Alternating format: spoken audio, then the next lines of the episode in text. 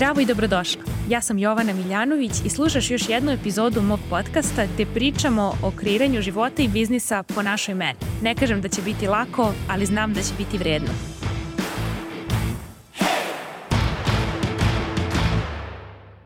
Zdravo i dobrodošli u današnju epizodu. Danas pričamo o tome koliko sreća ima faktor u uspehu. Ovo je pitanje koje mi je postavila jedna cura koja prati newsletter na mail i jako mi je bilo inspirativno i zanimljivo pa sam odlučila da više pričam o tome. Za vas koji ne znate, možda niste čuli u nekoj od prethodnih epizoda, upisala sam Feminist Advanced Coaching Certification kod Kare Lowenthal, čiji podcast slušam već godinama i mnogo volim način na koji ona misli.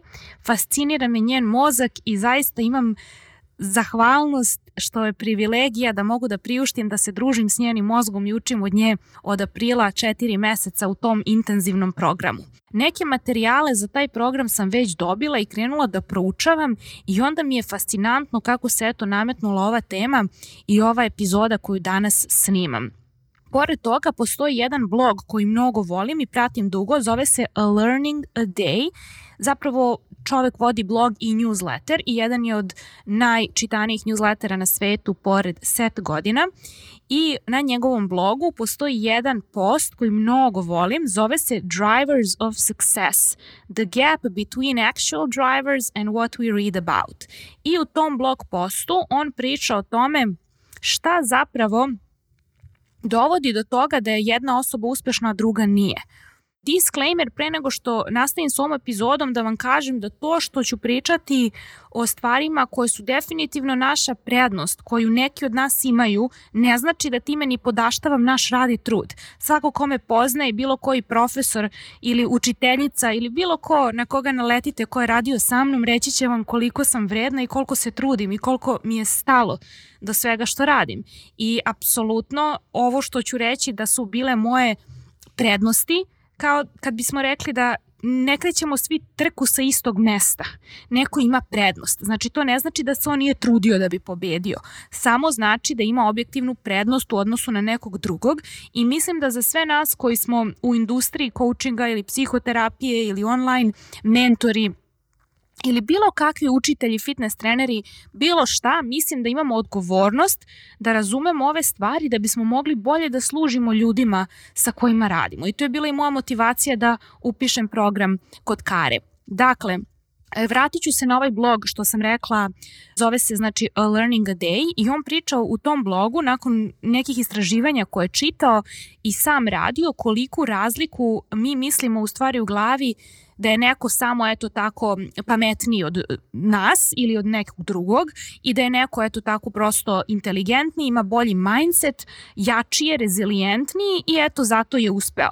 Ali nije baš uvek tako, nije to baš ta romantična priča uvek istinita. O tome govori u tom postu i priča o tome koliko zapravo druge stvari definišu naš životni put jer definitivno mora da se radi da bi se uspelo, ali postoje ljudi kojima je to lakše jer imaju dobro tlo, plodno tlo na koje šta god zasadiš zaista cveta, a neko nema plodno tlo, ima probleme od kad se rodi. Bukvalno je u minusu i onda on mora da radi dosta više da dođe na nulu od koje je neko krenuo.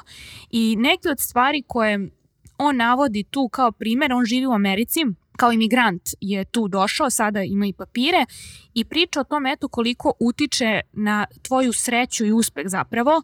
On to zove ovarian lottery, odnosno gde si se rodio, koja ti je boja kože, koji pasoš poseduješ, ko su tvoji roditelji, da li imaš porodično bogatstvo i nasledstvo ili sve gradiš od nule.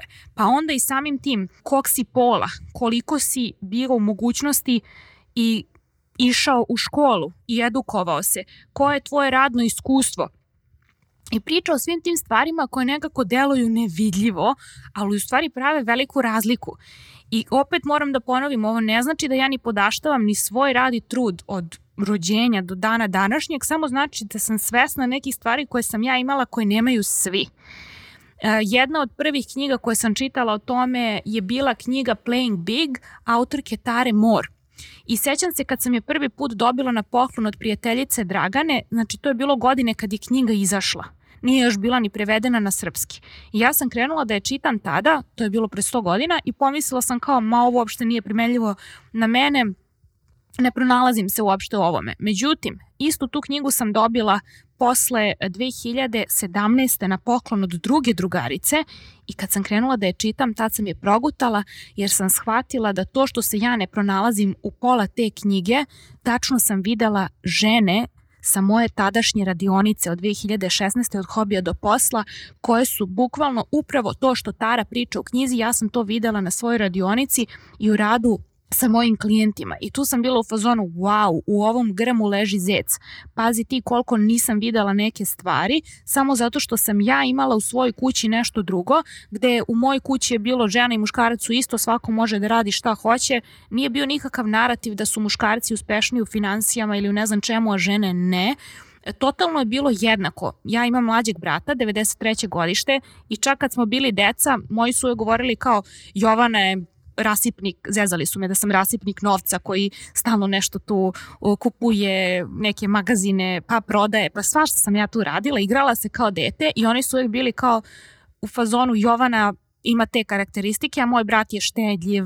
Znači sve ono što se pripisuje kao ženama, kao vi štedite, a muškarci kao lažite i trošite, pa pričamo ovde o generalizacijama, naravno, ne mislim na vas pojedinačno, ali to kod mene u kući nije bilo prisutno. Znači, bukvalno je žena mogla šta je htela. Da sam ja htela da budem vatrogasac, moji bi bili u fazonu budi najbolji vatrogasac na zemlji. Moj brat, sećam se kad smo bili mali, išli smo na neki show uh, u Beogradu, ne sećam se ni šta je to bilo, da li je bio cirkus, ne sećam se, ali se sećam da je bilo ne, e, neki metalni, uh, kao metalno jaje i ljudi voze motore po tome i ima neka vatra. Mislim, zvuči kao cirkus, da.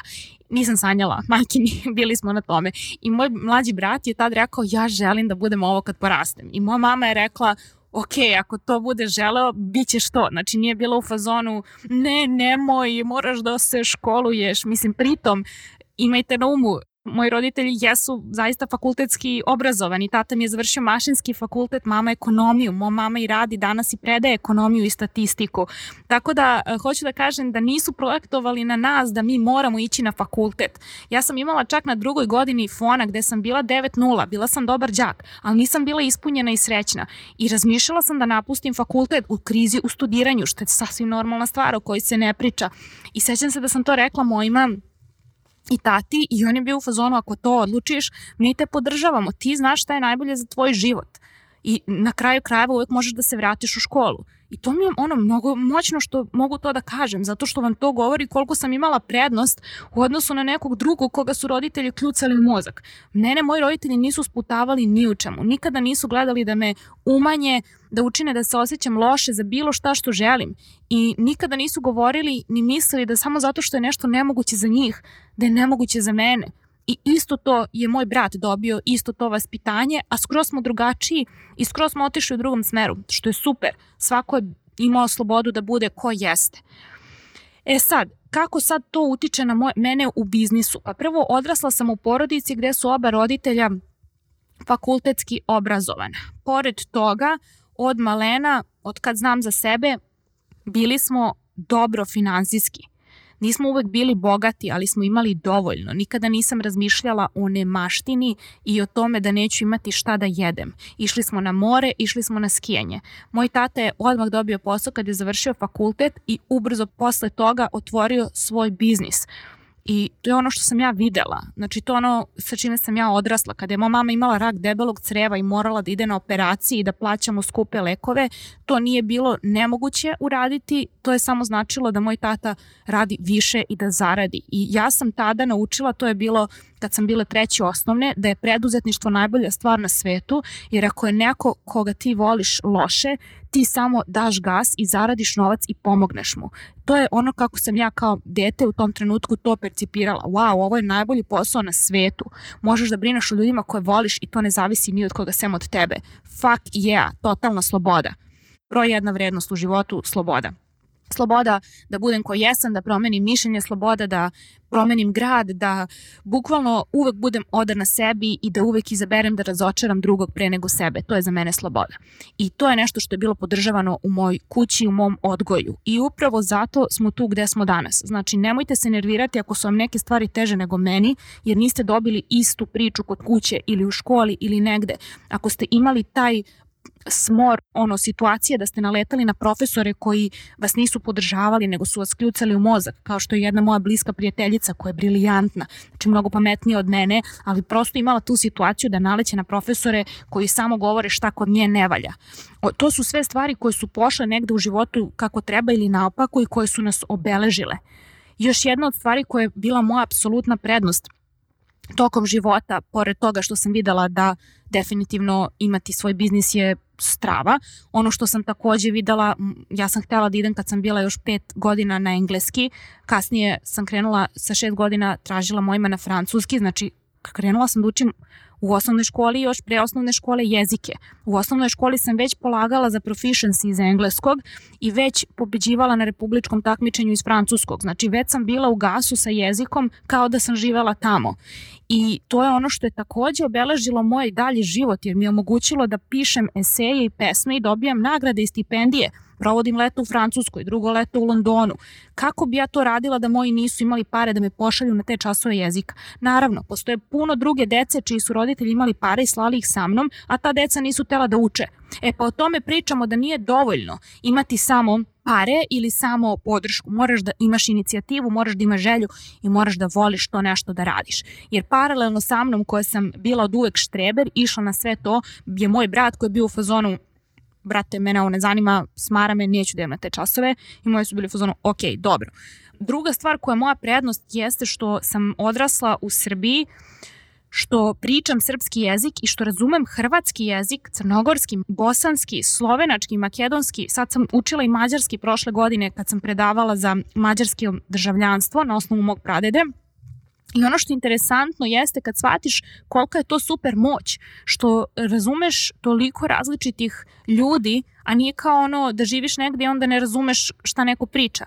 O, ovo meni daje mogućnost da ja pričam, na primer, e, sa ljudima koji su iz Makedonije na mom programu, iz Hrvatske, iz Bosne, iz Crne Gore, iz odakle god. Mislim, to je zaista velika stvar. Neko ko je odrastao, ne znam, u Uzbekistanu ili gde god. Znači, ako priča neki jezik koji je ono, zaista težak za naučiti, neće imati toliki pool klijenata kakav imam ja. E, druga stvar koja je isto obeležila mene, koja je moja, da kažem, prednost, zašto pričam o ovim stvarima? Zato što mi je zanimljivo da to popišete za sebe, dajem vam ideje. Gde ste vi imali mnogo više prednosti u odnosu na ostale ljude i kako se to reflektuje danas u radu s vašim klijentima i gde su vaši blind spots? Jer ja sam vam rekla, ja sam 2016. shvatila, došlo mi iz guzice u glavu, da imam puno blind spots na kojima želim da radim. Zato sam i upisala coaching certification, master coach training i sve ostale edukacije. Zato što sam shvatila, brate, ja da bih razumela ove žene bolje, moram da završim različite edukacije, da mogu da čujem ono što nije izrečeno iz onoga što je rečeno, ako me razumete. Razume me svako ko se bavi ovim poslom. Ali to ne mogu ako nisam svesna šta drugi nisu imali i kako je njihov pogled na svet promenjen zbog toga. Znači još jedan od mojih, da kažem, identiteta, ovo su sve na neki način identiteti, znači srpkinja sam, žena sam, koje su prednosti? Znači, bela sam, lepo izgledam, mršava sam. To su sve danas u današnjem svetu prednosti. Kada gledate statistike, ljudi koji imaju viška kilograma su, to je suludo, sa istim znanjem 6% plaćeni manje na godišnjem nivou. To je suludo, ali to je činjenica. To su sve stvari koje učim kod Kare na programu. Znači zato i prenosim jer mi je to ono mind blowing. Šta su još moji identiteti? Ja se identifikujem kao neko ko je pravoslavna hrišćanka. Takođe, kao neko ko ima svoj biznis. Takođe, Ovo su sve stvari koje utiču na to kako neko percipira život, koji su tvoje vrednosti, koji su tvoji prioriteti, koje su tvoje, da kažem, slabosti i super moći, ali ne bukvalno slabosti, nego ono što smo socijalizovani i što percipiramo u društvu u kom živimo da su slabosti, što zavisi naravno i od društva do društva, nije isto u Srbiji i u Dubaju i u Bosni i u, ne znam, Kini.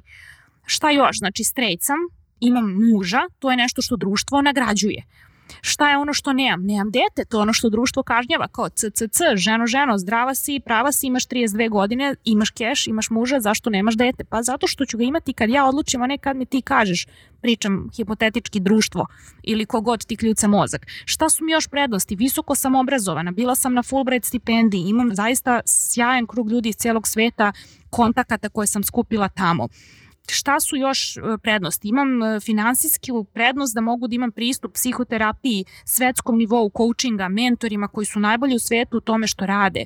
Imam svoj prostor životni, ne moram da razmišljam o tome gde ću živeti ako se nešto desi. Imam vikendicu, imam stan, imam kuću. Znači ne moram da se, da se nerviram oko osnovnih životnih stvari. To mi daje gomilu mentalnog prostora da radim na sebi, gomilu slobodnog vremena da čitam knjige, da putujem, da radim sa ljudima na mom programu, da snimam podcaste, pišem newslettere. To mi daje život po moje meri. I naravno da je definitivno moj rad zaslužen za to, ali su i sve ove stvari sa kojima sam rođena, s kojima neko drugi nije rođen. Jer neko drugi je morao da prevazilazi mnoge druge stvari. Ja sam imala svoj, svoju porciju životnih izazova, ali neko drugi je imao više od mene i morao je da drugačije radi kroz život i zato možda mu je nešto teže nego što je danas meni. E sad, postoji stvari gde se preklopi nekoliko tih naših identiteta i onda tek nastaje shit show. Jer onda, na primer, moramo da se suočavamo sa više problema. Znači, ako je neko, recimo, pripadnik živi u Americi, i neću puno o tome pričati jer kod nas nema puno e, tih situacija, ali recimo ako je neko živi u Americi i gojazan je i crnac je i na sve to ima recimo situaciju da je gej i deklariše se kao osoba koja je gej, znači ona će imati tri načina na koje će društvo da je sankcioniše. Prvo kao osobu koja nije bela, drugo kao osobu koja nije straight.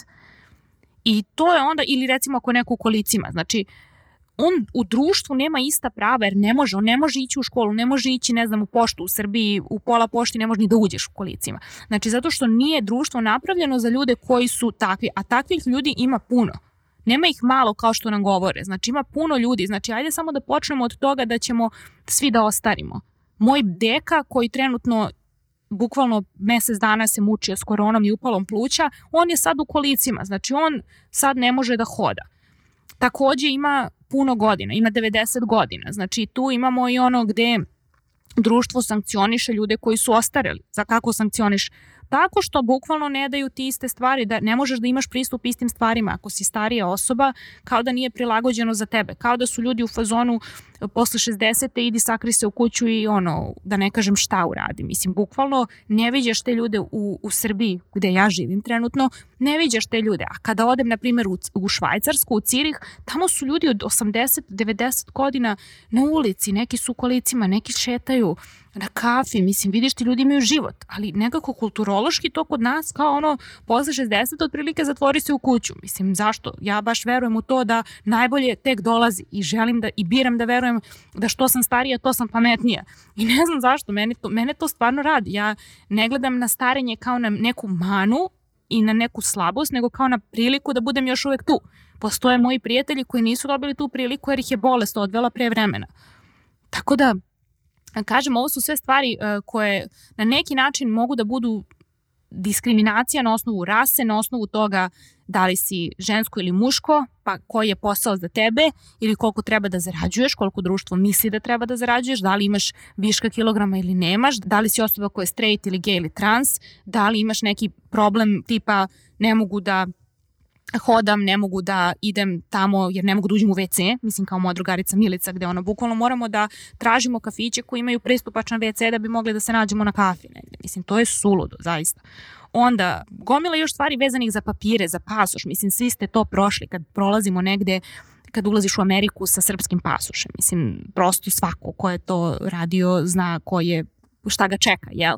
I to su sad gomile nekih naših stvari e, koje mi nosimo kroz život i koje utiču i tekako na onaj posao koji radimo, bilo da radimo u firmi ili da radimo za sebe, čime god da se bavimo, to su stvari koje uteču. I onda kada mi razumemo to za sebe, šta mene obeležava, koje su moje, da kažem, kompetitivne prednosti, šta je ono što sam ja imala u ovoj životnoj trci, gde sam ja počela pet koraka ispred drugih, a gde je neko počeo pet koraka iza.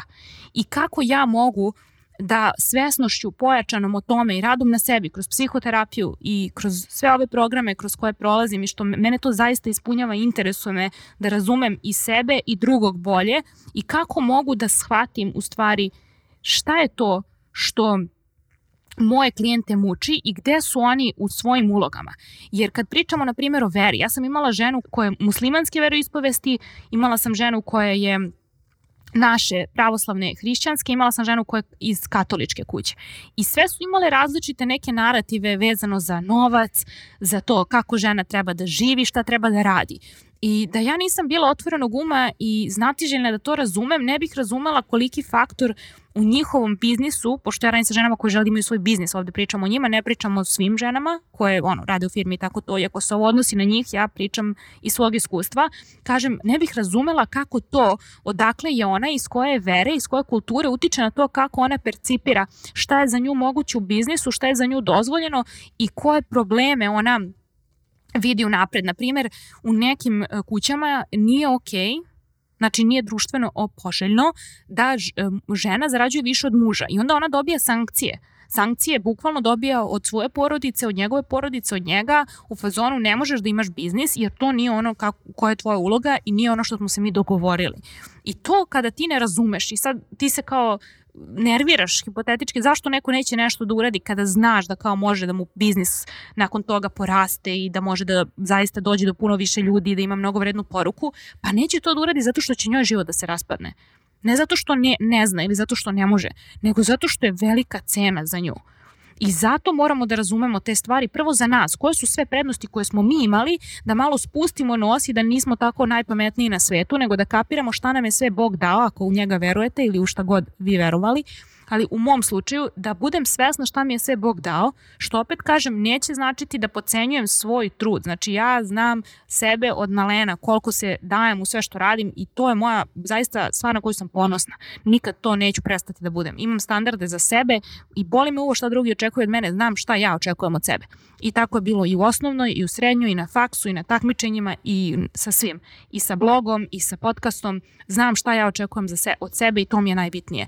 Tako da, da se vratimo na pitanje zašto, zašto je bitno da, da zaista budemo svesni šta je bilo u našem životu faktor sreće, a to su sve ove stvari na koje ja nisam mogla da utičem, nisam mogla ja da biram sve te stvari, nego su one mene izabrale, desile su mi se bukvalno, imala sam sreće, ali postoji i veliki faktor rada i zato kako bismo bolje razumeli sebe i naše klijente, moramo da osvestimo koje su to sve naše identiteti, naše uloge i kako je to oblikovalo da postanemo baš ova osoba koja smo danas.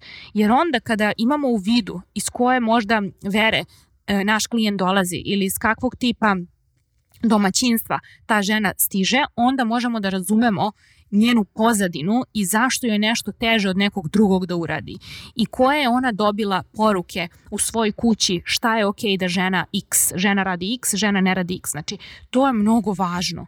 Jer zašto je važno? Zato što nije uh, isti odgovor za nekog ko ima X background i Y background. Drugačije stvari ćemo moći da im kažemo koje će, i moći da ih pitamo koje će njima pomoći da dođu do svojih odgovora jer što više razumemo sebe i što više možemo da zaista upravljamo sobom i da onda razumemo bolje i odakle drugi ljudi dolaze, bolje ćemo moći da im pomognemo da dođu do svojih rešenja bolje ćemo moći da cenimo sve ono što nam je Bog dao. Bukvalno sve ono na što nismo imali uticaj, imali smo mnogo, mnogo sreće. Jer bez obzira što sam, opet kažem, radila da budem tu gde sam danas i snimit ću epizodu o mom karijernom putu od početka pa do danas, bez obzira na to postoje stvari na koje nisam uticala ja, nego viša sila koje su mi omogućile da neke zaista životne stvari i životne lekcije savladam na vreme i da ne čekam da dođem u 40. i da se pitam ko sam ja i šta ja želim od života, nego da to radim od malena jer sam imala bezbedno okruženje kod kuće, da uvek budem ono što jesam, kažem šta mislim i radim šta želim. Naravno ako to ne ugrožava druge ljude. Ali to je sloboda kakvu 90% ljudi nije imalo, jer nisu imali roditelje koji su radili na sebi, koji su bili dovoljno dobro sa sobom da puste dete da bude ko on ili ona jeste, Tako da eto, toliko o današnjoj epizodi, definitivno mislim da je faktor sreće bitan.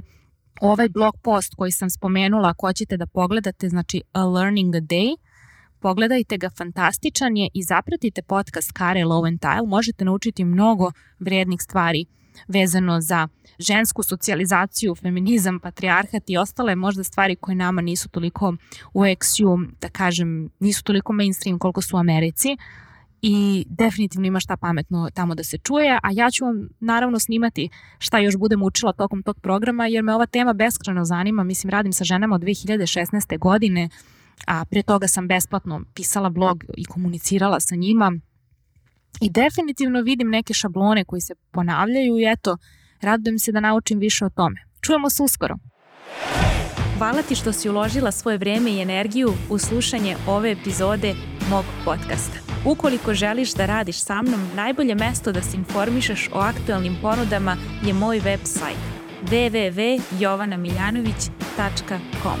Čujemo se tamo na newsletteru i Instagramu.